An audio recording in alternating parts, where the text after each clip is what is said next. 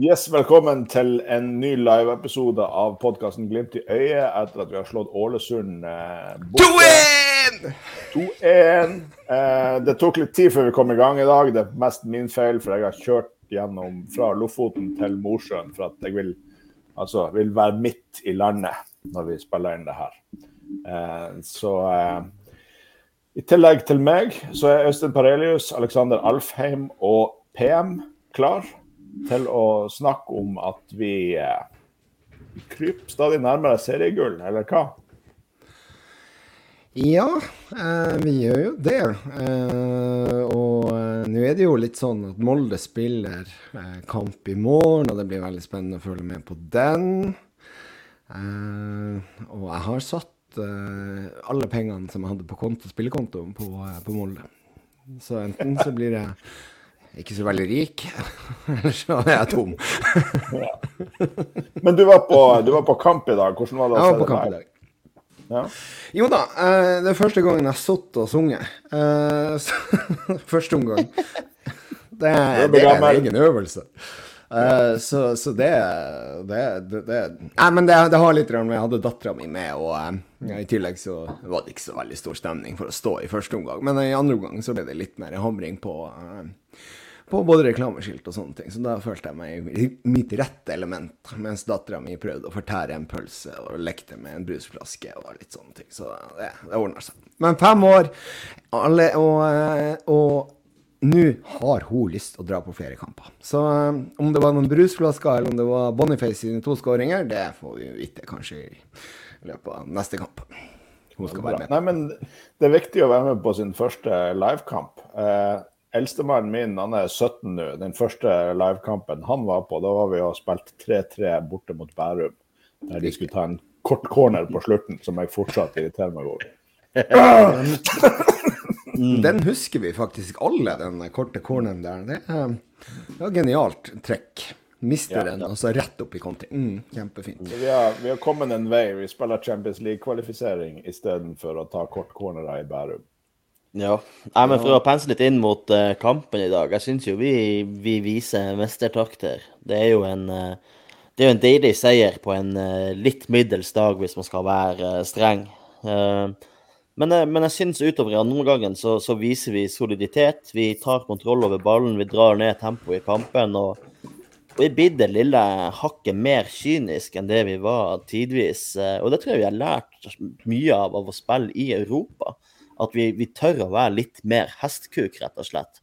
Og få litt lov til å være det. Fordi at vi, vi har lært at, at, det er sånn det er ute i den store, vide verden. At jo da, man, man leder 2-1, man, man hviler litt med å holde ballen i laget. og du ser Vi holder på å skåre et mål også til slutt. Pellegrin. Vi, vi spiller lavt, vi får lokka Ålesund frem i banen. så det er god pasning opp til Magomo som går forbi to ledd og spiller Pelle igjennom. og Vanligvis er det jo mål der. Og det, det, det er så høyt nivå over akkurat det angrepet der og, og den sekvensen rundt det, at uh, jeg tror ikke det er noen andre i Eliteserien som har så bra nivå. Ja. Nei, altså det Ja. Altså, bare for å ta helt Altså, det du sier der Altså, vi stenger kampen og, og, og, og sånn. Men hvilke følelser får dere i kroppen eh, helt på slutten? Det er 30 sekunder igjen av overtida, og Glimt har et brudd og en mulighet til å gå for 3-1, men de er veldig trygge og bare holder ballen i laget til, til dommeren blåser. Ja, der er det jo sånn at Sondre Sørli han har sonaren rapp på cornerflagget, og så vet han ikke helt hvor det er, så det blir midt imellom. Uh, så jeg tror vi ender opp med å miste det nå, der. Gjør vi ikke det? Nei, jeg tror vi har ballen til dommeren blåser. Men ja, okay, ja. det var i hvert fall muligheten til å spille fram eh, til de to som var faktisk på vei gjennom. Ja. Nei, altså Jeg var bare skitnervøs for at ikke vi skulle klare det. For eh, vi skulle drept den kampen her mye før det her. Mm. Vi har jo... stolpetreffet til Boniface altså, og ganske store sjanser i andre omgang. Selv om man står langt unna, så klarer jeg faktisk å se det. Mm. Så uh, Men det er sånn at med, med bedre uttelling i dag, så hadde vi vunnet 5-1. Ja. Uh, så det er litt stolpe ut, eller det er jo faktisk en stolpe ut. Og så er det mange store sjanser. Pellegrino kunne fort ha to mål også. Jeg mener vi blir snytt for ei straffe i første gangen der Muka blir trødd på ankelen. Så, så, egentlig så er det jo en veldig solid kamp, og vi Jeg syns altså For å være veldig glimt av prestasjonen er bra, men, men jeg savner at vi får putta i kassene og avgjort kampen. For det blir litt sånn tut og kjør når, når, det er fem minutter igjen. For ja, vi, fra 70 til 85 så kontrollerer vi kampen. Vi dreper den litt, tar ned tempo, kontrollerer ballen, hviler med ballen i laget. Men de siste fem minuttene, når de begynner å slå litt langt, de, de søker en del dødballer, så har de jo også en som De har en god sjanse der hvor ballen går over, og kommentator sier du har skåra på mange mindre sjanser enn en den der, da. Så Nei, det er Kallevåg sin. Ja, det er vel Kallevåg sin. Det, ja. så, så, det er litt flaks i det, selv om det er en veldig solid kamp, eh, egentlig, av Glimt. Aleksander, du eh, har til og med tatt på deg den riktige Glimt-trøya for dagen. Hva er, hva er, din take på kampen? Nei, eh, stort sett ganske bra. Dårlig første 15 20 minutter hvor vi ble kanskje snytt for et straffespark litt senere i kampen, men det ble antageligvis Ålesund også ved en hens på Boniface. Og uh, de første 20 så slet Glimt ordentlig med å få tak i ballen, få satt i gang sitt spill og begynne å kontrollere kampen. Men etter 1-0-skåringa så er jo Glimt inne i sin beste periode da de skårer, og spesielt etter. Og det er jo veldig frustrerende å slippe inn et veldig pent, men eh, ganske unødvendig, unødvendig mål i den perioden jeg mener at Ja, det var mm. uh, I den perioden jeg mener at man spilte, eller var på sitt beste, i hvert fall i første omgang. Men uh, som dere sier, Glimt burde og kunne ha vunnet mer. Og i det hele ganske bra, ganske bra og solid gjennomføring borte mot Ålesund, som tross alt er et ganske greit lag på, midt på tabellen, og nå uten det som kanskje har vært deres to beste spillere så langt denne sesongen. Så meget fornøyd med, med tre poeng i dag. Eh, vi får et uh, spørsmål her, eller en kommentar fra Audun uh, Bentsen, som sier at man kan vel argumentere for at gode lag skaper sin egen flaks minner litt om storlag fra andre ligaer som møter opp, gjør jobben uten skader og uten å slite seg ut. Det er jo en innfallsvinkel på denne kampen. Jo, jo, absolutt. Og jeg syns jo vi er solide, men kampen får jo lov til å leve. Og, og det er jo bare flaks at, at Kallevåg ikke setter den, at han setter den over. Ja, men da er det jo eh, uflaks også at ikke vi skårer fire mål. Ja. ja, uflaks eller udyktighet, da. Ja. Altså, det er jo liksom men, men, men jeg syns kollektivt at det er en veldig solid prestasjon, men, mens Pelle kanskje akkurat i avslutningsøyeblikkene i dag er, er litt off. Men uh, Boniface, uh, Kent Even uh, Grunstad sier Boniface maskins siste kamp? spørsmålstegn. Ja, Der har jeg han, lyst til å ta et lite poesi. Han burde, Nei. Ja, du, du, skal få poesi. Men men han, vi, vi, burde jo lede 1-0 tidligere, for at han kommer jo der. Han har jo skåra fra så skarp vinkel før, men ja. han burde jo sette en 45 ut der, og da hadde det jo vært mål.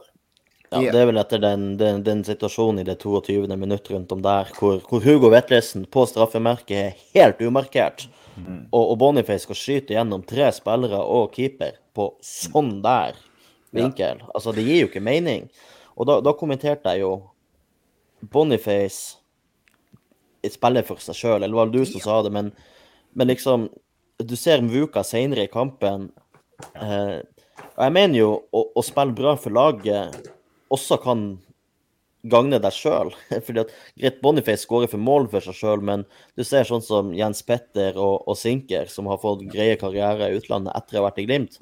De har jo like mye som har skåra mål, også vært en tilrettelegger for mål. Og det ser jo både agenter og speidere at her er det en spiller som har målpoeng. Han er involvert i mål både med mål og assist. Og en spiller som ser at dersom en medspiller har bedre mulighet til å skåre mål, spiller ball. Eh, og der syns jeg Boniface mangler noe. Mm. Nei, men uh, det er helt rett, det, det, du sier. Og Bjørn Losvik og uh, Ola Tennøen, dere kan uh, egentlig sitere Øystein Parelius hva jeg sa. Jeg sa akkurat det der. Boniface spiller for seg sjøl i dag. Men da tenker jeg at dere snakker så mye om Boniface, men jeg har lyst til å ta en poesi allikevel.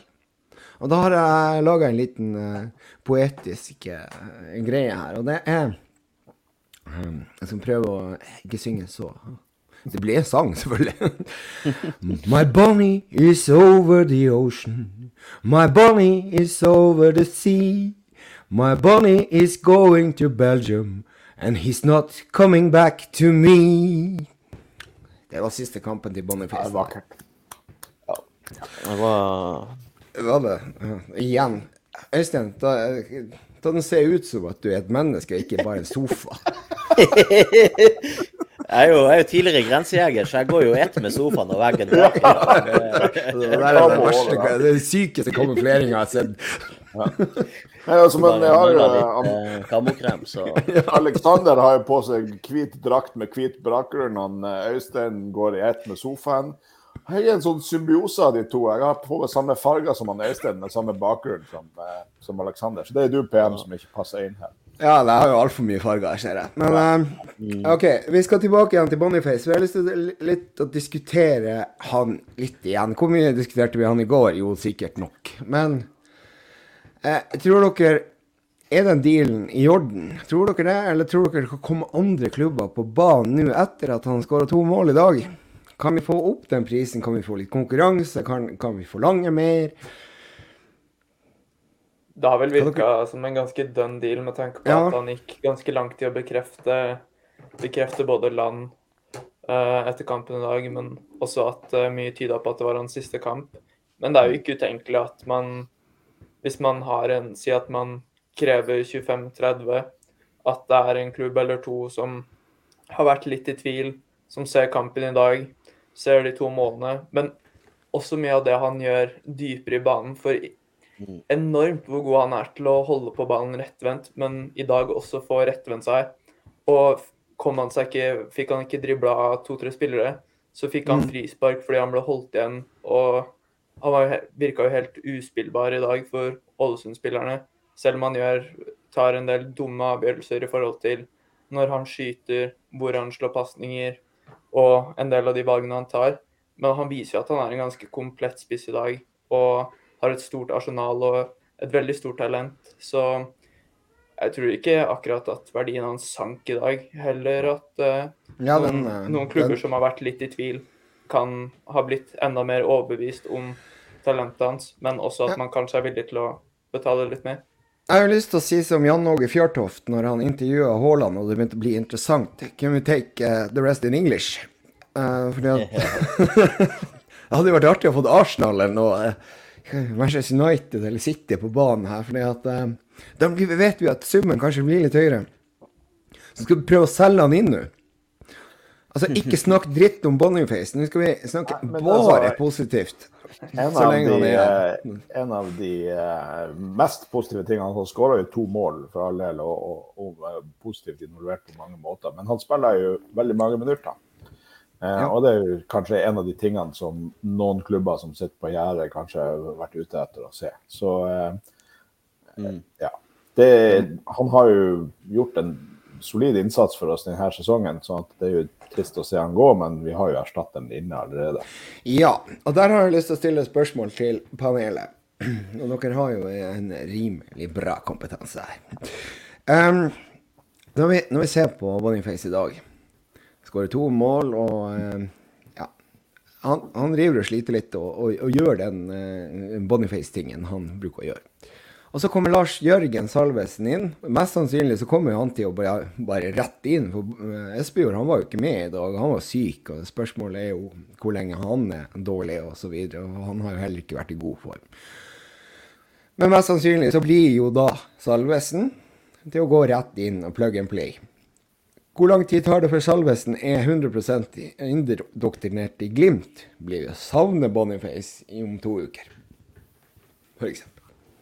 Nå virker det ikke som Boniface nødvendigvis er 100 indoktrinert i Glimt, han heller, med tanke på at de, eh, de, virker litt frustrerte med en del av valgene han tar, og at han, som vi har nevnt, at han kanskje er litt egoistisk og spiller litt for mye for å score på egen hånd. Mm. Men uh, det er jo klart at ja, Nå vet jo ikke jeg akkurat hvilken stand uh, Salvesen er i, men man brukte jo tid på å få Vetle, ja, Hugo til å være i god nok form. Ja, det er en annen rolle, da.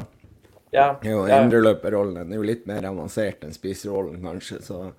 Ja, men det er noe med intensiteten de har snakket om at de har på treninga. Er det kanskje ikke så mye siden kampene kommer så tett, men um, jeg tror nok Glimt de siste årene har hatt et helt annet nivå på Altså både på banen i kamper i serien, men også på trening, som muligens kan ta litt tid å venne seg til. Salvesen har jo vært ute ett år med skade òg, så han er jo antageligvis ikke 100 helt ennå. Men eh, ja, med tanke på at verken Espejord eller Boniface har vært sånn sinnssykt, sinnssykt gode, og ja, så vil jeg nok tro at uh, Salvesen er mer enn god nok til å bare gå inn rett fra start og levere på et brukbart nivå. Ja.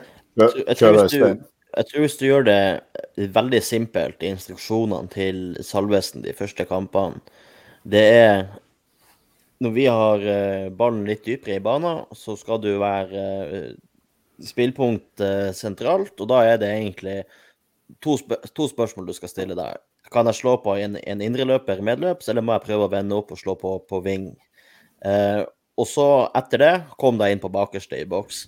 Keep it stupid, keep it simple, og da tror jeg Salvesen er plug og play. Så får vi jobbe med alle de her småtingene eh, på treningsfeltet og imellom kampene. Eh, men jeg tror at hvis han, hvis han, gjør de tingene på få touch, eh, så tror jeg faktisk at han blir en bedre kollektiv spiller enn Boniface. For du ser i dag også jeg husker ikke når det men det er begynnelsen av første omgangen. Boniface eh, drar av en mann, og så skal han dra av samme mann på nytt igjen. Og så slår han en pasning til han Pelle, som da har gått i offside. Og du, og du ser han Pellegrino er tydelig frustrert fordi pasninga kommer ikke, mm. men, men, men, løpet er gått, og det er masse bakrom å slå i. og så, så, det, så, jeg tror det hvis, hvis Salvesen får, får beskjed keep it stupid, keep it simple, ta imot, enten slå bakover eller fremover, Eh, og så kom de inn på bakerste i boks, og så ordna Pelle og Mvuka kryssløpene inn på første. Mens Hugo og Saltnes eh, fyller på med ettertrykk, så, så tror jeg han er ganske plug and play, klar til å bare gå rett inn og spille for Glimt på topp, altså. Ja. Det, det, virker jo som at han har en del egenskaper som Glimt har ønska, og eh, at han er mer plug and play enn ja.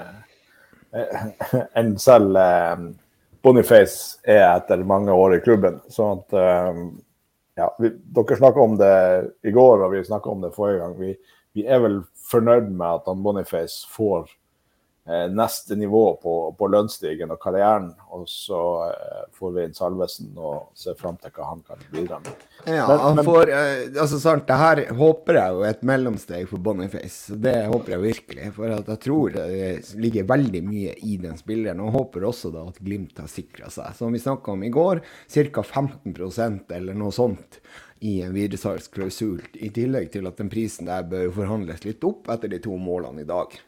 Så Glimt, legg dere på 40 millioner og se hva han sier. Men vi har et, eh, en kommentar fra vår medpodkaster eh, Bjørn Einar, eh, som bringer oss tilbake til kampen i dag. Ja, jeg ser han. Han driver han... og kommenterer det. Hvorfor kan ikke han komme inn her, da? Men det, det, vi, vi, får lese opp det han skriver, da. Ja. kampen var for så vidt spennende hele tida, men eh, det er litt mestertakter over denne prestasjonen. Eh, wow, se her. Ja, se der. Eh, solid å slå et 5-5-0-lag, men enda mer deilig å skape så mange sjanser og dominere AFK så brutalt som vi gjør. Ja, det, som nevnt tidligere i tidligere kommentarer, eh, stemmer det. Men samtidig en annen måte å se det på. altså I 2020 så har denne kampen vært drept eh, til pause. Og det er jo en annen måte å hvile i de her kampene, for vi kommer til mer eh, viktige europakamper straks kunne vi heve på litt flere reserver istedenfor å bytte i de 90. minutt og, og, sånn. Så ja, det er bra at vi sliter i land en seier på en dag sånn som det her, men kanskje vi kunne ha drept denne kampen til pause. Jeg tror ikke vi kunne ha drept den til pause, men vi kunne ha drept den til andre omgang. Jeg, jeg, har jeg riktig bilde av det? Hvis han Boniface har satt 45 på den første sjansen, ja. så har vi jo hatt og vi ikke har den her helt fullstendig uh, ja, uh, ja. Målet mot er jo en historie for seg ja, selv, men, men uh, ydmykende, så det skal ikke skje. Kan vi, kan vi diskutere det litt? Ja, ja. Ja, vi kan jo det. Ja, men altså, der, Nå har jo ikke jeg sett den der i reprise. Det skulle vi gjøre, men fruen skulle se Broen. Så da ble jeg ute. Men er det Samsted som slår en feilpasning? Har jeg tatt riktig der? Riktig. Ja. Og er han pressa i det hele tatt? Ikke i det hele tatt. Går den rett til en Ålesund-spiller? Riktig. Ja. Er det da bonuspoeng? Men altså, seriøst? Hva som skjer her? Ja, det var helt, helt grusomt. det... Helt utpressa. God tid til å orientere seg. Og ja, ja i det, det endte jo opp med å bli utilgivelig, da, fordi de skårte jo på det. Men uh, Ødemarksbakken hadde en jobb igjen fra han fikk ballen. Men ja, da, det, hadde han. det er helt forferdelig, helt forferdelig å samstå det. Ja. Oi, oi, oi. Du kan ikke laste haiken heller på den der, der for han står jo der hvor han skal stå. Så det er jo... Ja, han spurter bra. Han er veldig nært å nå igjen den ballen. Det er snakk om kort. Så, så han treffer jo veldig bra. Han tar akkurat og skyter den for langt for, uh, for haiken, uh, og likevel treffer mål. Så det er en god prestasjon sånn sett. Ja, det er jo jeg. Jeg så bare at det var at det bare slått opp på vega, drømmemål, eller hva det var, årets mål, eller noe sånt. Det er jo ikke noe finere enn Lode sitt, så det kan han bare glemme, det der fra 2020. Ja. ja. Nei da, men, men, vi kunne, vi kunne leda eh, tre Altså, vi, vi, vi Det er jo 1-1 til pause, men vi kunne jo leda 3-0, egentlig, ikke sant? Så som Christian Paulsen sier, med effektivitet i dag så har vi vunnet 7-1. Pelle Saltnes og Boniface misbruker mye. Ja. ja, jeg er helt enig, og det var jeg jo inne på, på i starten av podkasten. Det er en veldig solid kamp, og, og vi spiller bra. Og så er det litt udyktighet, litt uflaks. Uh, Boniface med henne i stolpen bl.a. som gjør at det er spennende de siste fem når Ålesund blir desperat. Mm. Men, uh, men, jeg er enig i det Bjørn Einar sa. altså Det, det er mesterskapstakter over at vi vinner i dag. Uh, det det syns jeg.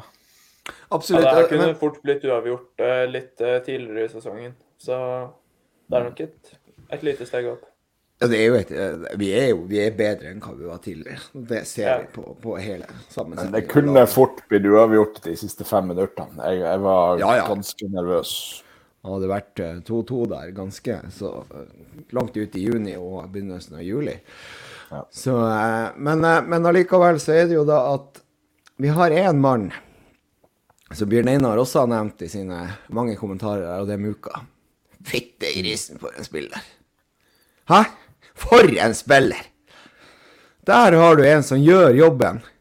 Snakk masse om Muka, skriver Bjørn Einar. Snakk mye om han.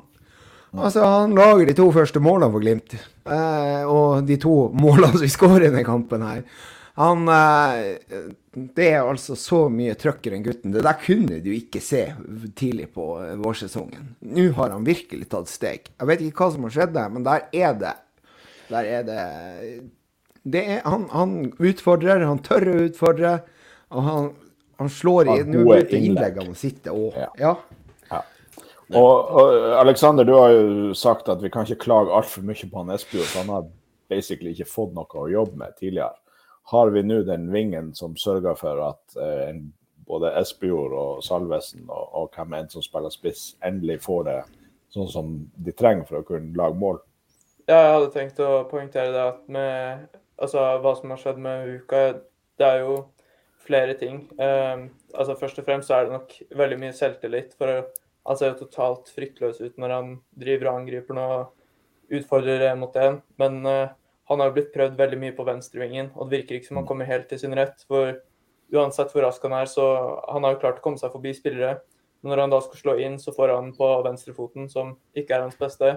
Men når han nå bare kan sette fart ned mot linja og slå inn med høyrefoten, som er mye bedre enn venstrefoten, så gir jo det et bedre grunnlag for gode innlegg. Og han gjør jo jobben veldig mye enklere for i dag Boniface, men eh, potensielt nå Espejord, når han blir brukt. og Salvesen når han blir brukt. Så at han eh, får spille høyreving, tror jeg vil gjøre jobben lettere både for han, fordi det passer han bedre, men også spissene som kommer til å bli brukt.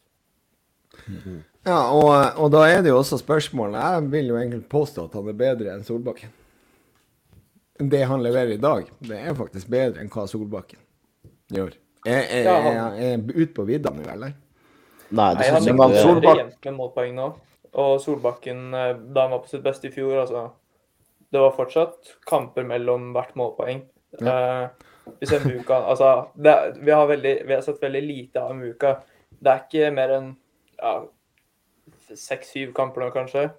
Men hvis han fortsetter, fortsetter på det sporet her, så, så, mener jeg ikke det er helt feil å si at han er på nivå med Solbakken, men uh, men samtidig, altså, vi har visst siden 6-1-kampen eh, mot Roma at eh, Solbakken kommer ikke til å bli Glimt i veldig mange år fremover. Vi vet at han er ikke en, en, en del av fremtida. Han er ikke en stayer. Nei, men det er jo naturlig. altså Når du ja, ja. har sånne prestasjoner, og selvfølgelig altså når Seriallaget er interessert, så kan være eh, klubblegende så mye du vil, men, eh, ja. men du blir ikke i Bodø-Glimt når Serie A-lag er, er, interessert, sånn som dere snakka om i går. Men eh, eh, som Bjørn Einar sier, altså hvor viktig det er å signere ny kontrakt med Muka. for han er jo absolutt en spiller for fremtida. Ja, det må vi ikke snakke om, men jeg må bare gjøre det. Ja.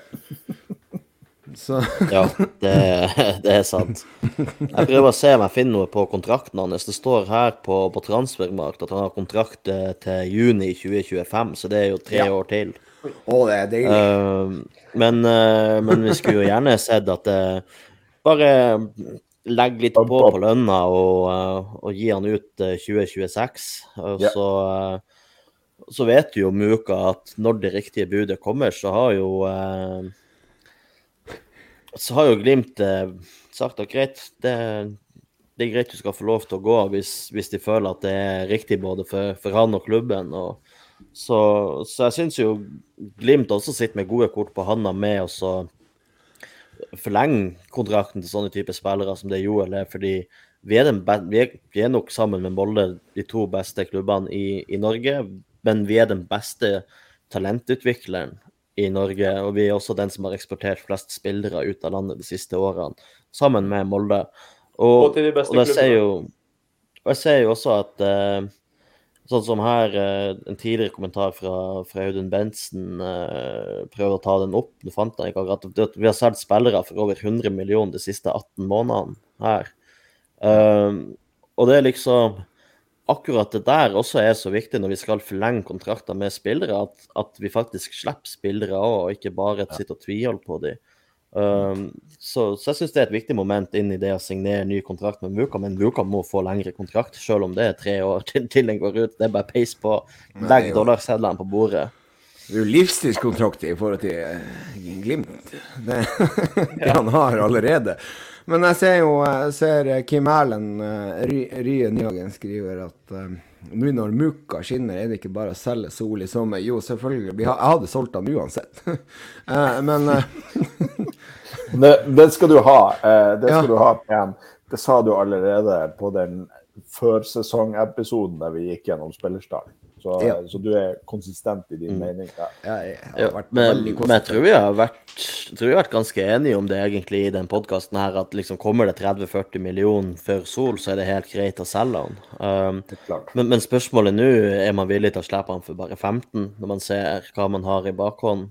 Ja, jeg håper jo Aleksander er uenig, for vi bruker jo å, få litt kritikk for at vi er altfor enige i denne poden her. Så Aleksander, kan ikke du bare late som at du er uenig, hvis du ikke er det? Ja, altså, ja, altså når man Altså, jeg har sett litt sånn poll, eh, polls på Twitter med Eller avstemninger, da, for å gjøre det litt lettere. Med hva folk vil, om man skal beholde Solbakken og slippe han gratis. Selge for 40, 30 osv.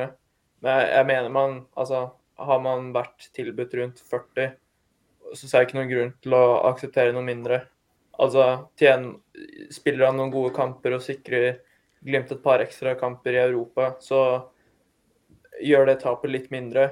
Så det er jo det er ikke krise å ha en spiller som Solbakken i Isdalen.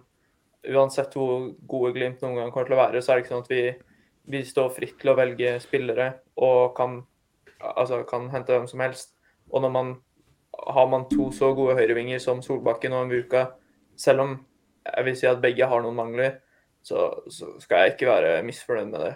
Det man trenger bredde, og i hvert fall når vi skal spille kamper så tett som vi skal nå. Mm. Nei, men altså, det er, jo, det er, jo, et aspekt ikke sant, at vi har en del å gå på på vingene. Og det tror jeg Kjetil Knutsen tenker en del på, at det vil være en greie som han tenker. Og Samtidig så er det jo en ting som taler for at han blir her, det er jo det at han allerede har inngått en avtale med Napoli. Der hvor han skal starte i, i januar. Eh, så jeg tror jo egentlig den største Det er jo åpenbart en ganske stor mulighet, om ikke på å si 90 sjanse for at han blir helt til, eh, til, kontrakten løper ut, at vi ikke får noe for ham, men at han er i stallen da. Og der var det vel også da snakk om at Solbakken kunne vært tilbake igjen i dag, men uh, nå fikk jeg jo ikke med meg Var han på benken? Det så han ikke til oppvarming. Men Øystein, i tillegg til å si det du har tenkt å si, kan ikke du kommentere om Hvis det er sånn at uh, Solbakken har inngått kontrakt med Napoli, eh, hva burde Glimt ta for å slippe han tidlig? Og er det, er det verdt det i det hele tatt? Nei, altså har han inngått kontrakt med Napoli, så, så er det vel egentlig kun Napoli som, som kan få han dette vinduet. og Det, det, det vet jo både Napoli og, og Glimt hvis de, ja. hvis de slår på den telefonen. Uh, og jeg syns jo synes fortsatt at man ikke skal ta noe særlig mindre enn 30 hvis man allerede Eller er ganske sikker på at det er tilbud 40 allerede i, uh, i februar-mars for, for, Ola Solbakken. Det har jeg fått ifra, ifra uh, Altså det, det, fikk jeg jo høre fra en journalist i Nidaros fra Bodø, han Simen Pedersen, som var på Olympiastadion i påska, at han visste at at uh, det var budd uh, mellom 35 og 40 før Solbakken. Og jeg, syns ikke det er noe vits å la han, la han gå uh, for noe mindre enn det, om Napoli ringer og sier hei, vi, vi skal uansett ha han fra januar. Men, men, det jeg hadde tenkt å si, var jo det at ja. når du ser hva som kommer inn på vingene i dag, selv om det blir nå Pelle, Lars Jørgen Salvesen og, og Muka som blir, blir å starte kampene, så er jo det å ha Ola Solbakken på benk til å komme inn i stedet for Gilbert Komson og Sondre Sørli.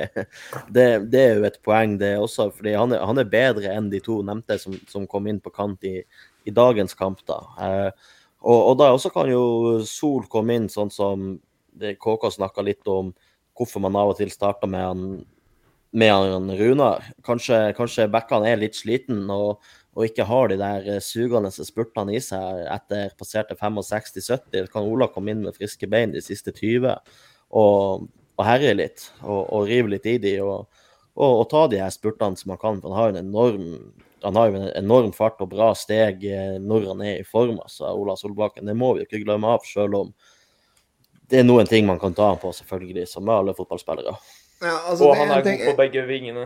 Altså, han starter jo ja, ja. som venstreving. og kan man, kan man, bruke Solbakken på venstrevingen om Pellegrino skulle trenge litt hvile eller bankebordet er skada. Um, så er jo ikke han noe dårlig, dårlig alternativ der. Mvuka og Solbakken er, det er en håndfull uansett hvilket lag man møter. Med mm. tanke på den hastigheten de har i kroppen. Altså er det jo da et fantastisk eh, våpen da å kunne bytte f.eks. So, eh, Pellegrino med Solbakken hvis man trenger innlegg med en venstrefot for at han skal komme seg ned til dørlinja, ikke sant, i forhold til det som vi har mangla med venstrefota eh, vinger og. Og så når vi snakker om hva, hva er det verdt, og hvor, hvor, hvor, mange millioner burde vi sikre oss nå istedenfor å ha han til han går ut av kontrakt, så husker jeg et intervju med han Rune Bratseth på 90-tallet. Der de, Rosenborg fikk kritikk for at han Petter Belsvik var en dyr spiss å, å signere fra Stabæk. Eh, og de fikk veldig lite ut av han. Og da svarte han ja, men han skåra et, eh, et, par Champions League-mål som var ganske nyttig for klubben. Um, og det er vel kanskje altså, Vi er blitt en sånn klubb nå at vi begynner å se i det perspektivet. altså Lo and behold, hvis vi havner i gruppespillet i Champions League, hvis Solbakken skårer et viktig mål der, sånn at vi vinner en kamp, så er jo det også en ganske heftig verdi. Ja, og hvor avhengig er Glimt av de pengene? Man har tjent så mye på spillersalg og mm. prestasjoner i Europa nå. Litt premiepenger hjemme i, med tanke på to seriegull på rad. Mm. Altså, 30-40 millioner, det er, det er, mye for en klubb som Glimt, det er ikke det. Mm. Men nå har man tjent så mye de siste årene at, at eh, om man får noen ekstra oppturer i Europa, så tror jeg fansen tar det 100 ja, hver dag i uka foran for han 30-40 millioner kroner.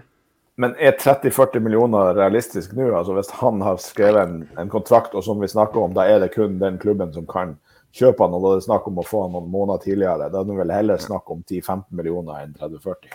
Men vet vi at han har skrevet kontrakt? Det gjør Nei, nei, det vet vi. Det er nå synser ja. vi. Ja. Det er bra vi syns det. Ja, men, men, men jeg syns jo Glimt, hvis de i utgangspunktet har satt en verdi på Ola på 40, så, og de vet jo at Ola går jo uansett til januar, så det er jo ikke noe vits i å, i å senke det kravet, bare fordi han har vet hvem han skal gå til, fordi han, han går jo uansett. Ja. Så forutsetningene til Glimt er jo helt like uansett i, i forhandlingene. Ja, jeg tror ikke 15 millioner frister Glimt. Men Eh, det er jo akkurat det som er at La oss si at vi havner i en sånn situasjon da Jeg tror ikke det skjer, da, men at vi havner i et gruppespill i Champions League, og så begynner vi å Tror du ikke det skjer? Hva er det som feiler deg? Jeg tror vi spiller Europaliga. Men uh, OK, la oss si at det skjer. Og så kommer vi til den situasjonen der at vi har vunnet et par kamper, kanskje vinner hjemmekamp osv. Og, så og så skal Solbakken dra til Napoli, som ikke er med på noe som helst. Jeg vet ikke hvor de, uh, hvor de er igjen. Uh, er de i noe Europacup, dem? Ja. Men da har vi samme situasjon som hvis noen som husker tilbake igjen til uh, God forbid uh, Rosenborg i 1990 et eller annet. Da Steffen Iversen allerede hadde signert for Tottenham. Og han hadde jo ikke lyst til å dra til Tottenham, han, for den skulle jo spille kvartfinale.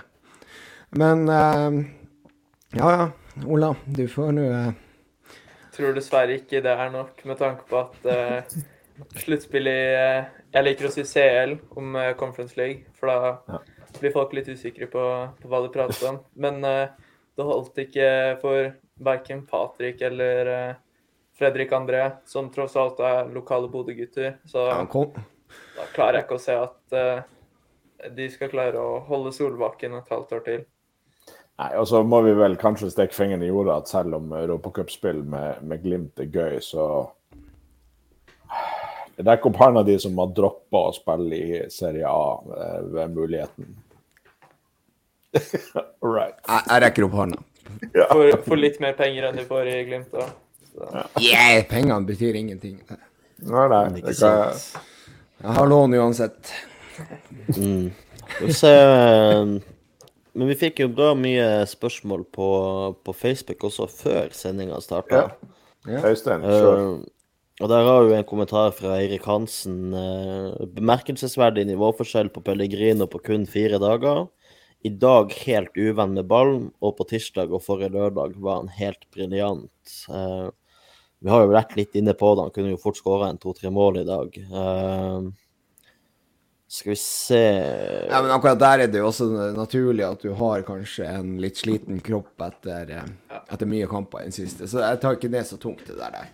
Mm. Ja, det var vel bare én han burde ha skåret på, hvor han ja. kom ganske så alene med keeper. Men uh, nei, man, man, setter ikke alltid av sjanser uansett hvor god man er. Det, det blir for mye å forlange, men uh, på en god dag så putter Pellegrino ett eller to mål i dag. Ja, han har jo ja, en sånn klassisk Pellegrino der, eh, som går utfor. Ja. ja, så en gang han kommer eh, litt på, på skrått, og så i stedet for å skyte på når han er på hjørnet av femmeteren, så prøver han å, å, å vende opp, og så blir han takla, og så har han den der hvor Boniface spiller han gjennom rett på, rett på ja. mål, han skyter på første touchen. Så er det jo tre egentlig veldig store sjanser hvor Pellegrino på en topp dag eh, i hvert fall setter én av de, om ikke to. Med litt um, flyt så kunne han jo kommet alene gjennom ganske tidlig i kampen, hvor Vetlesen hadde ganske bra pasning med venstrefoten. Hvor mm. eh, han dessverre fikk ballen eh, ba litt bak seg. Jeg vet ikke, dere som har barn, om det ligger noe i den kommentaren der fra Torstein Estensen? At, ja, Torstein. Hallo, Torstein. Det var jeg kan jo fortelle litt om Torstein. Skal ha en halvtimes foredrag om han. Nei da, han er, jeg, jeg, jeg heimevern med han. Fantastisk fyr. Uh, men mm. um, Altså, jo. Det kan jo være. Uh, det er jo ja. ikke dum idé, Torstein. Mm. Jeg ser uh, Det er litt interessant fra, fra Inge Larsen. Uh, han var i Bodø på onsdag. Dæven, det var deilig. Fredag kjørte jeg hjemover mot Førde og svinga innom Ålesund for å få med meg superlaget i dag. Spørsmål. Hvorfor er det ni stykk på bortekampen mot Molde og 130 på bortekampen mot Ålesund? Um, hvis man skal være litt uh, kontroversiell, så er det jo fordi at i Molde så blir du pella i ræva av politiet i et telt. Mens i Ålesund blir du ikke det. Jeg vet ikke hva, hva dere tror. Nei, jeg, jeg, har en ganske naturlig forklaring på det. Det er jo det at Moldekampen gikk vel Var det midt i uka? Eller var det på en søndag? Ja. Nei, jeg tror det var midt i uka. Det var midt i uka, ja. Uh, uh, uansett så var det jo helt umulig å komme seg dit frem og tilbake igjen fra både Bodø og andre steder. Uh, vi var jo bare oss i nærområdet som var der. det er sommerferie. mange folk som er i Ålesund. I tillegg så, så, er det sommerferie, og folk kan reise. Så det var en del folk fra Bodø der, og til og med folk fra København som som ønsker å se Bodø-Glimt. Så, så, det er nok den naturlige forklaringa, at det er litt mer reising. Og så er det tilsvarende litt mindre folk fra Ålesund da, som er på tribunen pga. at det er mange ute og reiser. Mm. Ja. Mm. Jeg ser, jeg ser eh, Ja, veldig bra. Jeg ser eh, Håkon Sommerseth. Eh, vi har vært litt inne på det ene spørsmålet både i dag og i går, men jeg kan jo si det, han, han lurer på om vi tror Muka mista plassen når Sol er tilbake. Jeg tror ikke det selv om eh, Stian mente det i går. Uh, og så spør han også om Sol sitt valg om å forlate Glimt vil få konsekvenser for spilletidene i Glimt fremover.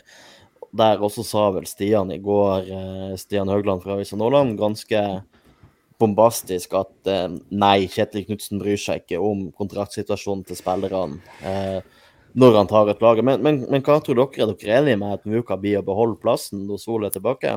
Nei, det er ikke det.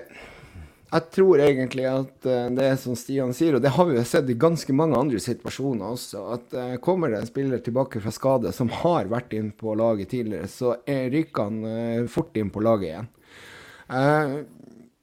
Det er noe som Kjetil kjører. Han skal jo ha de faste. Han skal ha det faste mønsteret, ikke sant. Men nå har jo Muka fått ganske mye tillit. Men han, han har spilt både høyre og venstre. Jeg regner jo med at, at, Solbakken går inn på høyre når han er skadefri. Nei, jeg, tror, det vil bli litt mer rullering, kanskje. Ja, ja, om Solbakken kommer inn og spiller, så er det antakeligvis på høyresiden, for Pelle virker å være helt klink som eh, venstreving. Men eh, selv om Solbakken antageligvis kommer til å være foretrukket, så tror jeg nok eh, Mvuka har spilt så bra nå at det vil bli lettere for Knutsen å rotere litt selv om han ikke gjør det i særlig stor grad. Men at uh, Solbakken kanskje spiller litt færre minutter, og at Mvuka starter litt oftere enn han ville gjort før, det ser nok jeg på som det mest sannsynlige her. Men uh, ja, det meste man har sett av uh, Kjetil Knutsen de siste årene, tyder vel på at han kommer til å foretrekke Solbakken Ja, og så, og så, er det jo det. Men sant, du har sett det som du sier nå, at, at vi har bytta litt på laget. Eh, og, og eh, Glimt har jo også sagt det, eller Kjetil Knutsen har sagt det, at Europacup er førstepri. Og da kan det jo være at Muka spiller seriekampen, og Solbakken spiller den eh, kvalikkampen da, til Europa. Det vil jeg tro kanskje er det mest sannsynlige scenarioet hvis du har to kamper oppover hverandre. Det kommer vi til å ha hele tiden hvis vi går videre. Ja, det gjør vi jo. Mm. Ja. Um... Men uh, akkurat uh, når dere nevner det her, så vil jeg gi en shout-out til episoden dere spilte inn i går med Stian Haugland fra Avisa Nordland. Um, jeg var jo ikke med på den, så den ble jo nesten tre timer. Men det er tre fornøyelige og interessante timer, altså, så den anbefaler jeg varmt. Jeg har kjørt uh, bil veldig mye i dag og, og hørt gjennom hele episoden. og det var både veldig gode analyser av, eh, av overgangsstrategien til Glimt og det som har blitt gjort siden 2018, eh, men, men også litt om hvordan avisa Nordland jobber og sånne ting. Så den, ikke, den, var ikke live på Facebook, så da må du inn på der du hører på podkast for å finne den. Men eh, den bør høres. Det var meget bra. Det er litt teknisk å gå inn på der hvor du hører podkast, men det får dere til. Men jeg kan si meg enig i det. Altså, det er jo, det er jo narsissistisk å si det her, her men Men eh, det er første gangen jeg har Jeg bruker å høre på dem våre, faktisk. Bare for å høre hva i helvete har gjort galt. Eh, og det er ganske mye. Men det er Det var tre timer som jeg faktisk hørte. Fordi at jeg var interessert. Og det er første gang. At jeg må høre det to ganger etter at jeg har vært med i episoden. Det kan jo være gullfiskhukommelse, eller så kan det faktisk være at jeg var interessert i det temaet. Eller det vi snakker om. Så, eller Stian snakka. Stian er jo ekstremt bra. Det er jo, jeg må jo si at det er en tillitserklæring at han hadde lyst til å være med hos oss. Så ja, det, det var vi stolte over. Den utvekslinga kom vi eh, oss til gode. Ja, men så vil jeg også Jeg har stått og tenkt litt på det her. Altså, Øystein, du med prosenter, var det 45% med plopp? Ja, jeg kan jo se om jeg finner frem det en skjema igjen. Skal vi se Går det an å dele det på eh, på, på sendinga? Ja, mens du holder på med det, så har Tom Pedersen kommet inn og sagt god kveld, gutta. Har jaga gjestene hjem. Og den poden med Høgland var konge. Det er, vi, eh, det er jeg helt enig med deg i, Tom. Og, og, eh, og Tom, nå begynner det å, å, nærme seg at du skal bla frem noen gode historier når du skal være med her snart. Eh, ja. Jeg, jeg, jeg, må bare si det. ikke sant? Vi, vi ligger på rundt sånn 44-45 Altså halvparten av spillerne skal vi bomme på. Eh, og da er det jo liksom det er jo litt katastrofe, da. Hvis du skal se på det på den måten. Vi godkjenner egentlig aldri alle overgangsvinduene fra 2018 til 2021. Men når du ser på tallene, så er det jo jævlig mange bomkjøp. Og det her skal jo egentlig være spillere som skal være gode nok til å gå inn i Glimt, og tiltenkt en rolle i Glimt. Så eh, altså vi sitter og godkjenner det og sier det pga. at f.eks. i 2018 så signerer vi Filip Sinkelnagel, og han utgjør egentlig hele overgangsvinduet. Eh, og så var det et par andre spillere, da. Men mm. uansett så er det jo det. Den feilprosenten her, den har vi pinadø ikke råd til når vi begynner å kjøpe spillere for 5 og 10 millioner kroner. Det må vi ha helt klinkende klart for oss. For hvis vi begynner sånn, og uh, samme skytte er jo helt skandale, egentlig. Heldigvis så får vi jo tilbakebetalt. Men du kan ikke si at det er vellykka allikevel. Og Derfor sitter jeg jo litt irritert over meg sjøl. At, jeg, at jeg godkjenner et vindu med 50% Jeg, Nesten så jeg har lyst til å ta den episoden på nytt igjen. Jeg vil, jeg vil eh, melde meg uenig med deg der. Altså, eh, Hvor stor suksessrate kan man forvente? Altså, Det er jo veldig mange faktorer inni det her som ikke kan scoutes eller ses på forhånd. og, sånn. Og hvis vi kan se på sånne ting som hvor mange millioner har Vålerenga brent de siste 20 årene. ja, men vi kan ikke sammenligne oss med Vålerenga. Ja, men har de hatt en god signering de siste 20 årene? Nei, det har Nevn én. Ikke sant. Eh, så det må jo tas med. Og så er det noen av de her tingene er litt sånn streng, syns jeg. Sånn Alexander Fosnes. Han eh, var vikar, eller eh, nummer to, for verdens beste venstreback. Altså, hvor, eh, hvordan kan han bli eh, ikke flopp med den type beregninger. Så han gjorde den jobben han skulle gjøre. De kampene eh, Fredrik André ikke spilte, så gjorde han en god figur og gjorde det som klubben hadde henta han inn for å, å, gjøre. Og Sami Skytte, ja, det var absolutt en flopp. Men jeg vil jo si at en annen måte å se det på er jo at Bodø-Glimt gjorde jobben. For at når han viste seg å ta mer energi enn han ga, så kvitta de seg med han en klubb med en dårlig overgangsstrategi hadde prøvd å få de millionene til å funke. Så du bruker akkurat samme argument som jeg brukte i går. Jeg bare satt og irriterte meg over det her i dag. ja, så, men, men, men, men, men uansett, da, med den, den, lista vi nå kom frem til i går, så er det ja. ekskludert de spillerne vi har kjøpt så langt nå i 2022, så er det 40 spillere. Og av de så er det 45% som er flopp. Altså, vi bomma jo på nesten halvparten av spillerne vi, vi kjøper nå kan vi godt si at vi kanskje var litt streng, men nå når vi begynner å betale 13 for Salvesen, jeg vet ikke, så noen nevnte at Kristian eh, Eriksen var linka til Glimt etter det budet fra Molde på, på 12 millioner på han.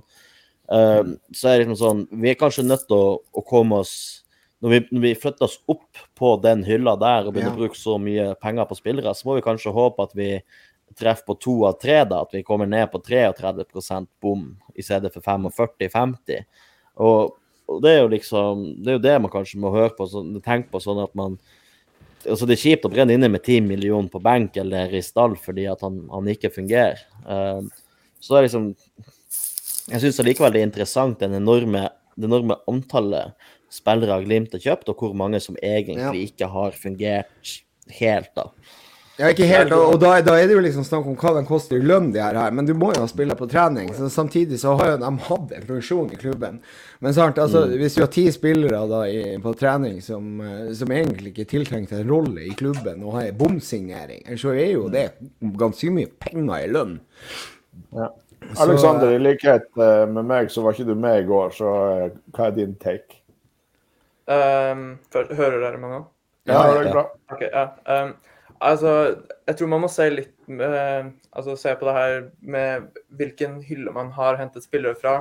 For disse årene har det vært hentet veldig mye backup-spillere backup og erstattere. På en, altså, man har ikke brukt mye Man har virkelig ikke brukt mye penger. Og sånn som Fosnes, som blir nevnt, Vegard Kongsro Begge blir jo mm. henta som backup-spillere for ganske lite penger. Mm. Treffer man på de, så har man bra erstattere som kan selges for mye penger. Men når de ikke noen gang får muligheten, men fortsatt blir solgt for ja, Tar man et minimalt tap, så er jo ikke det helt krise. Og når det hvert år, altså de siste tre årene, har vært ganske store endringer i spillestallen, så henter man jo ganske mange spillere. Og det er jo først nylig at Glimt har hatt mye penger på bok, og nå kan begynne å hente spillere på en annen klasse. Så som du sier, Øystein, nå må de begynne å treffe på to av tre overganger. Men når man har hentet spillere for ganske lite penger som, altså, som er satsingsprosjekt. Sånn som han venstrebekken vi henter nå. Altså, Om man regner han som en overgang ingen, altså Det er veldig få som vet hvor god han egentlig er. Om, mm. om han har de kvalitetene som skal til nå for å gå inn, eh, gå inn i laget umiddelbart, eller om han noen gang blir god nok. Altså, mm. Har man brukt lite penger på han, så er det jo, så er det jo altså Det er dumt at det ikke blir noe av. For potensielt så sitter man igjen med en god spiller. Men det er jo ikke krise om man ikke funker. Men det er viktig at man i hvert fall har to-tre spillere man henter hvert år som i hvert fall kan gjøre en solid jobb for laget, sånn som Sinclair har gjort. Sånn som Pellegrino kom inn og gjorde. Solbakken er jo en suksess. Botheim, Junker. Man har gjort veldig bra kjøp. Så, så 45 er ikke så mye, men man har henta veldig mange litt ukjente spillere. Man har også spillere fra en ganske lav hylle. Så jeg tror man må ha litt perspektiv på det. Men ja. bommer man på Salvesen og potensielt Christian Eriksen, så vil jo det være mye kjipere enn på relativt ukjente spillere fra litt sør, og, ja, sør på kontinentet. Ja, men ikke sant. Altså, la oss si, si at du, du uh, du henter tre spillere. Uh, la oss si at det, er, det ene er Salvesen, den andre er Eriksen, hvis det er han, da. Uh, for ti millioner, kanskje han koster det. Eh, og så er det han eh, Vingen, som jeg ikke husker navnet på, i, eh, han fra Slovenia. Ja. ja. Mm. La oss si at, at det, Og da er det 30 millioner i overgangssub. Altså ca. 10 millioner hver. Eh, la oss si at du bommer på én av dem. Er det godt nok, det? Ja, ja det vil jeg si. Det ene er skikkelig billig og det andre bommer på så altså, Som Joakim Jønsson sa før han ble sportssjef i Vålerenga, at uh, å hente Gaute Vetti er god deal for Bodø-Glimt. For at de får han såpass billig at risikoen er lav. Ja. Uh, og den potensielle payoffen er, er kjempehøy. Og, og, det er jo sånn man må tenke på det. Jeg syns uh, Alexander har et veldig godt poeng der. At hvis man henter litt blanda drops også, og en av de slår til og du selger han altså vi fikk Botheim gratis, og han, vi vet vel egentlig ikke hvor mye penger vi fikk for han til slutt, eh, men Det ble 60. Men uansett, jeg, jeg stiller spørsmål i det vi henter. Ja. Tre spillere for 10 millioner kroner hver. Ikke sant? Det skal være en plug and play, det her. Eh, og da er det, er det da godt nok, som Øystein sier, da, at eh, vi må ned på én av tre, at vi kaster bort 10 millioner for, på f.eks. høyrevingen, som er ganske naturlig å tro at det er han som kommer til å miste. For, men hvis du får solgt eh, de to andre for eh, 50 hver, da, så har du likevel tjent penger på dem netto. Ja. Så ja, Så dere men, mener at det er eh, greit å bomme på én spiller på 10 millioner hvis du kjøper tre? Jeg, jeg tror at hvis du, hvis du gjør det, så har du kanskje den beste eh, hvis du, hvis du treffer på to av tre, så har du sannsynligvis den beste treffprosenten i Eliteserien.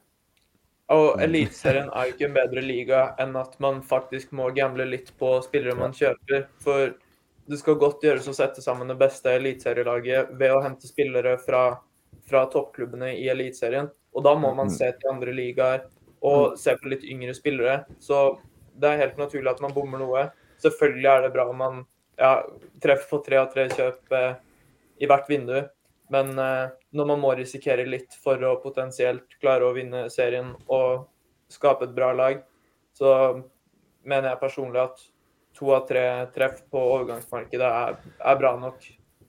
Altså, jeg, tror, jeg tror ikke vi, vi, vi, får totalt to av tre, kanskje. Men hvis vi treffer på to av tre av de litt dyrere signeringene, så, så syns jeg det må man nesten godkjenne. Men, men for, å, for, å, bevege oss litt videre Ja, ja, vi må det. Men uansett, jeg må bare ta én greie her. Kan dere ta skjermbildet? For at akkurat nå så er Alexander Alfheim eh, ni av ti Cristiano Ronaldo. ja, det er Jeg tar ikke noe det, av Ronaldo. Men, eh, men, eh, men, Ole Tobias uh, Torrisen har skrevet kommentar på Facebook før sendinga, og, og, den syns jeg var, var, interessant. Han skriver her VG linker Kristian Eriksen med Glimt. Blir der nevnt som en midtbanespiller, men har vært ført opp i startelver som høyreving i år. Um, og hva, hva, tenker vi om han? Er det mer innsats og revne på den karen? Og hvordan kan han passe inn i Knutsen sin stall? Og så ett moment før jeg slipper dere fri, kanskje spesielt PM, er at jeg leser HamKam har takka nei til et bud på 12 millioner for Molde, for de ønsker å kjøpe spilleren nå. Mens HamKam er interessert i å selge til Glimt, om så for en lavere sum, fordi Glimt har sagt vi kan godt vente til januar med å få han. Diskuter. Nice. Nå skal jeg holde stilt. Eller skal jeg kjøre? Ja, jeg, jeg, jeg, kan fortsette også, men, eh, men Aleksander, kjør. Ja, altså Han blir jo Altså, han kan spille jo en annen formasjon enn det, enn det Glimt gjør, og han blir jo lista som høyreving for dem. Men han virker som han er en ganske allsidig spiller, og med tanke på arbeidskapasiteten hans, så vil jeg jo tro at han er Altså at de ser på han som en indreløper, kan potensielt altså være litt uh, potet foran og spille kanskje litt spiss, men også høyreving når det trengs. Men eh, jeg vil jo håpe at man har en ganske konkret plan om hvor de ønsker at han skal brukes. Om man henter ham for si 7-8 til 10 millioner. Om det da er indreløper eller høyre ving. Så jeg, jeg syns det er litt, uh, litt, interessant at de ønsker å hente han. Og det er jo en litt annen aldersklasse enn det Glimt vanligvis pleier å hente på, bortsett fra nå Salvesen helt nylig. Men uh, Hot take. Kan, kan, det være at de henter han bare for å irritere han Kjetil Rekdal? ja, det kan godt være. Men hør nå her. Dette er jo teorien min. Med en gang jeg hørte Eriksen, og vi vet jo at Solbakken kanskje har signert en kontrakt med Napoli, så er det jo ganske greit å tro. Ikke sant, Bjørn Einar, mange mener at han skal være indreløper, men jeg tenker jo det at han skal gå inn på den høyrevingen der. Eh, og hvis Solbakken blir ut til kontrakten er ute, så går han i januar, og vi kan hente inn Eriksen som direkte erstatter på, uh, på Ving. Uh, og han vil jo være plug and play uh, i et eventuelt sluttspill i Europa. det håper jeg at vi skal spille. Så, så jeg, tenker, jeg, tenker den greia der. Og Christian Eriksen. Herregud, hvor deilig det hadde vært. Han er mer litt sånn Altså det er jo en Wayne Rooney-type. Eh, der er så mye kraft, der er, der er, så mye vilje, der er så mye egentlig eh, Hva tror du hvis han også får lov å spille på et bedre lag enn HamKam? Nei, det her, det her, er altså strålende. Jeg får Jeg får eh, Jeg sier som Frank. Jeg blir av det. Jeg syns det er gøy å tenke på at han eventuelt skal spille Beklager avbrytelsen, men at han, hvis han har en rolle som høyreving nå har vi jo sett en Vuka, og alle er jo enige om at han ser helt sinnssykt bra ut. Om man bruker ti millioner på en som da skal gå inn og erstatte han, da må jo planen eventuelt være at Pellegrino er her ut sesongen, siden det er vel så lang kontrakt han har, at de prøver å dytte en Vuka ut på venstrevingen. Men han har jo hatt enormt mye bedre suksess som høyreving. Så jeg syns det er veldig vanskelig å se hvilken plan de har per nå på hvor han er tiltenkt. Men når man spiller Europa og har planer om å være i toppen hvert år, spille Europa hvert år, så trenger man jo bredde i stallen. Så Det er uansett en bra signering. Men å bruke mye penger på en spiller som er litt vanskelig å se hvor skal spille, det syns jeg er litt, litt, skummelt. Men også deilig at Glimt er i en posisjon hvor de kan bruke så mye penger på en kvalitetsspiller. Ja, altså sant, det, det, har jo vært kommunisert eh, egentlig hele overgangsvinduet at Glimt har vært på jakt etter en indreløper. Så altså, det, det, det, er litt sånn Ja. Men jeg tenker det at han hadde funka der. Ja, nei, eh, nå skal ikke jeg røpe hele overgangslista uh, mi, for vi er enige om at Raymond skulle få være med på den. Men eh, jeg hadde satt opp eh, Eriksen ønsket der indreløper før dagens sending, faktisk. Og før jeg leste den artikkelen nå, eh, etter kommentaren fra Torrinsen. Så, så, jeg kan jo bare lene meg litt tilbake i sofaen jeg går i ett et med. Sånn her, så ser det ut som at jeg ikke er her. Og bare jeg og Åsmund og Kjetil og Rune Hauge og, og resten i Glimt, we got this. Vi er helt enige.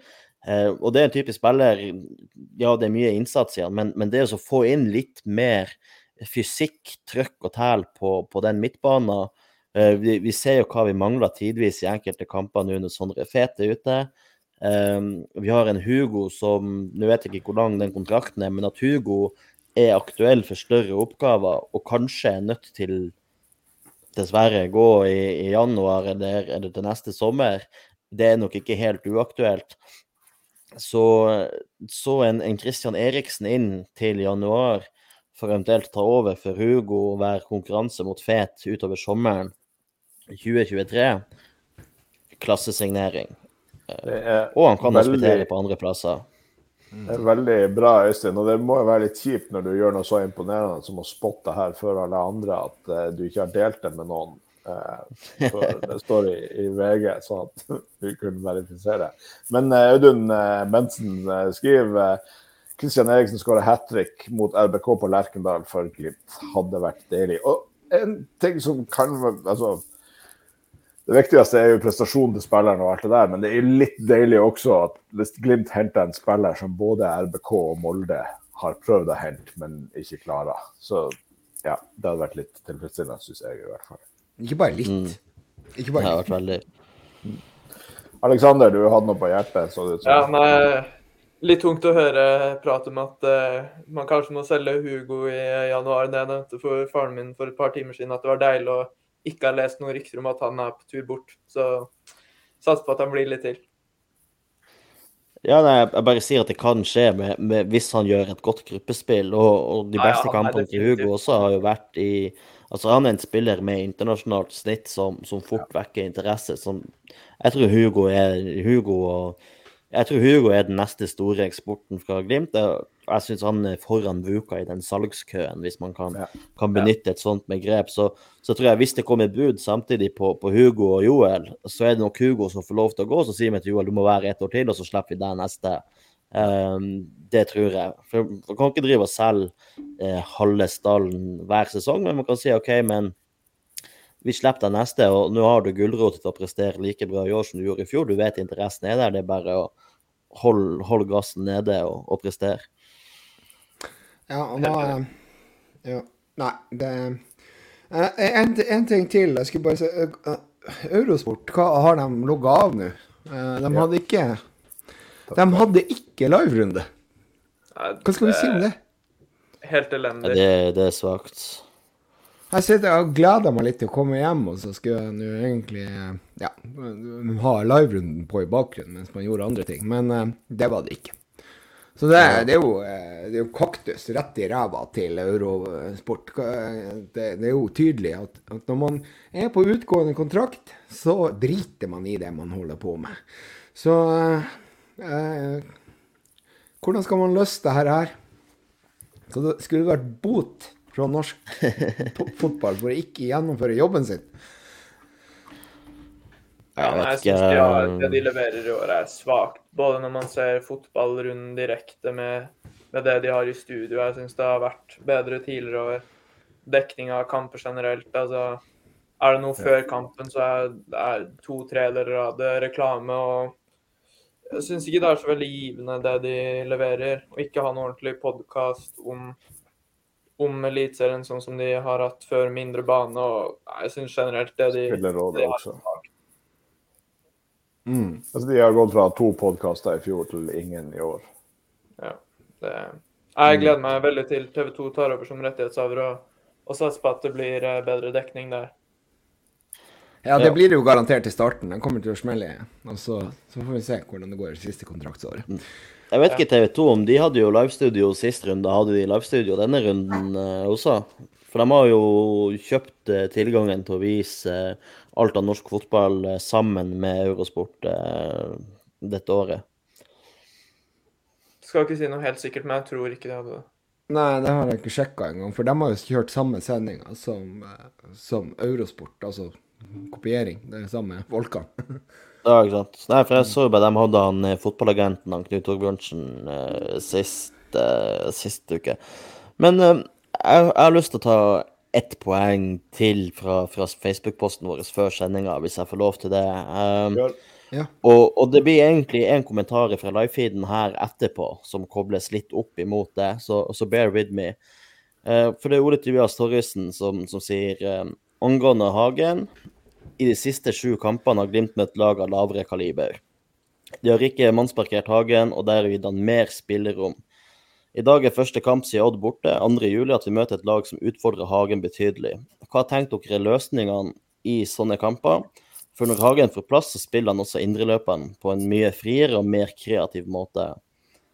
Uh, og så spør han om det er aktuelt med å ha en mer defensiv spiller i sånne kamper, uh, hvor den offensive kvaliteten til Hagen bortfaller. Og så vil jeg koble på den kommentaren her fra Christian Paulsen. Kan godt snakke om bakromspasninga fra Amundsen til Muka på 1-0. Savna sånne presise pasninger lenge på spillere på løp. Og der tror jeg, Torrisen, at vi har en del av løsninga. At Mo og, og Amundsen, eller Lo, Mo og Høybråten, når de spiller, eh, tør å tre mer opp i mellomledd og så over ledd direkte i bakrom. Eh, sånn at man eh, tvinger Ålesund eller motstanderen til å måtte støte på, på stopperne også, og ikke bare ligge og, og markere ut Hagen. Og, og det også vil jo bidra til at Hagen får mer rom sentralt i banen. fordi at når, når en støter på en stopper, så er det enten masse rom for den motsatte stopperen å løpe i eller slå pasning opp i, eller så frigjør det rom for Hagen sentralt. Eh, så jeg tror det er både at man, man tør å slå direkte i bakrommet, men også at stopperne tar litt mer ansvar, tør å, å gå forbi et ledd eller tre gjennom et ledd.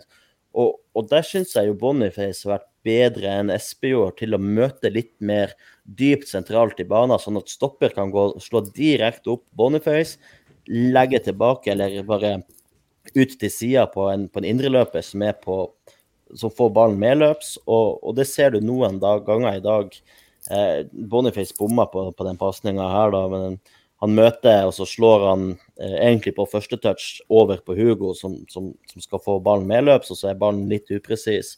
Ja. Eh, så så det, det tror jeg at hvis stopperne må ta litt mer ansvar eh, i det oppbyggende spillet, tørre litt mer, det tror jeg er en del av nøkkelen når, når Hagen blir markert ut. Men den pasninga her, hadde da Muka rom? Ja, jeg s- Muka også Ja, fikk han rom, har han rom på bekken? Eh, Ja. Sto han eh, Eller, ja, ikke sant? Jeg klarer ikke å huske akkurat den her, men det, det høres ut som, som dere beskriver den, så samme egentlig samme type, sko eller samme type angrep som, som vi skårer mot Molde. Solbakken setter inn eh, 2-0 eh, mot Molde borte i fjor. Der Mo trær han igjennom fra eh, stoppeplass. De der pasningene der er jo ja, Hvis du treffer på dem, så er de sinnssykt effektive. Ikke sant? Altså, det er jo eh, Og når du har en såpass rask ving som Muka, så er det jo eh, så, er, det jo et Det skaper jo en annen dimensjon. Det er sånn du sier, det skaper jo, vil jo skape også eh, mer rom på midten hvis, du, hvis de må støte opp i stopperen. Så er det helt genialt, faktisk. Hvis du gjør det flere ganger. Og da har du muligheten til å frigjøre i midten. Ja. Det er bestilt nå. Det var eh, såpass uttømmende hvitstorm fra Øystein at det er vanskelig å følge opp. Ja. Det var godt Nei, men med det- Frydenlund i dag. Det, det var ikke Jeg lov med kjører, reklame. eh, kjører eh, Lofotpils, så ja. han er heller eh, ingen av de er betalt, så det, det går fint. Det er første gangen drikker, nei, andre gangen jeg drikker øl med vi podder. Det er fantastisk. Det, det skal vi gjøre gang. Men forskjellen fra når du driver toppidrett, så er jo det faktisk prestasjonsfremmende. ja, kanskje det. vi får nå se. det begynner jo å jeg tror ikke det at folk har savna glidemiddel på snakketøyet etter en PM. Nei, det Men altså, jeg, jeg, jeg, jeg må bare spørre, ikke sant? Altså, vi lager jo podkast. Jeg vet ikke, Er ikke det der man skal snakke? Jo da, det er jo det. det, er jo, det. ja, kanskje. Ja. Nei, men uh, før vi, Nå har vi gått over en time, som er lengre enn vanlig på livesendingen vår. Um, før vi avslutter, skal vi snakke litt om uh, neste kamp. Uh, hva vi tror der. Skal, er alle gode ting tre, eller får vi problemer? Jeg tror man må løfte i dag for å for å skaffe seg et så godt utgangspunkt som mulig. Men uh, tenninga de viste både mot uh, Linfield og uh, Jerv hjemme, det var jo ikke det samme i dag. Nå møtte man kanskje et litt bedre lag enn man har gjort i de to kampene. Men jeg tror man må komme ut med samme intensitet og trøkk som man gjorde mot ja, både Linfield og Jerv, for å, for å skaffe seg det utgangspunktet man helst vil ha mot Salgiris. For mm man har jo spilt jevnt med de de siste to årene. Og det meste man har hørt, tyder jo på at Salgiris har blitt enda et hakk bedre i år. Så um, altså, jeg tror det kommer til å gå bra, men uh, jeg tror det blir en ganske jevn kamp. Og skulle jeg tippa resultat, så tipper jeg 2-0 eller 2-1 til Glimt. Men jeg, jeg, er mer nervøs for den her enn jeg var for Limfield, eh, Limfield hjemme. Ja, det er jo absolutt et mye bedre lag. De har slått ut Malmö, da, men eh, sånn som jeg forstår det, så hadde jo de flaks mot Malmö. Så jeg tror vi skal være glad for at det er Solgiris. Jo, det, det, skal vi, men vi har ikke akkurat, uh, vi har ikke akkurat gjort det superbra på bortebane i Europa hittil denne sesongen. Og uh, her har vi jo hjemmekamp først.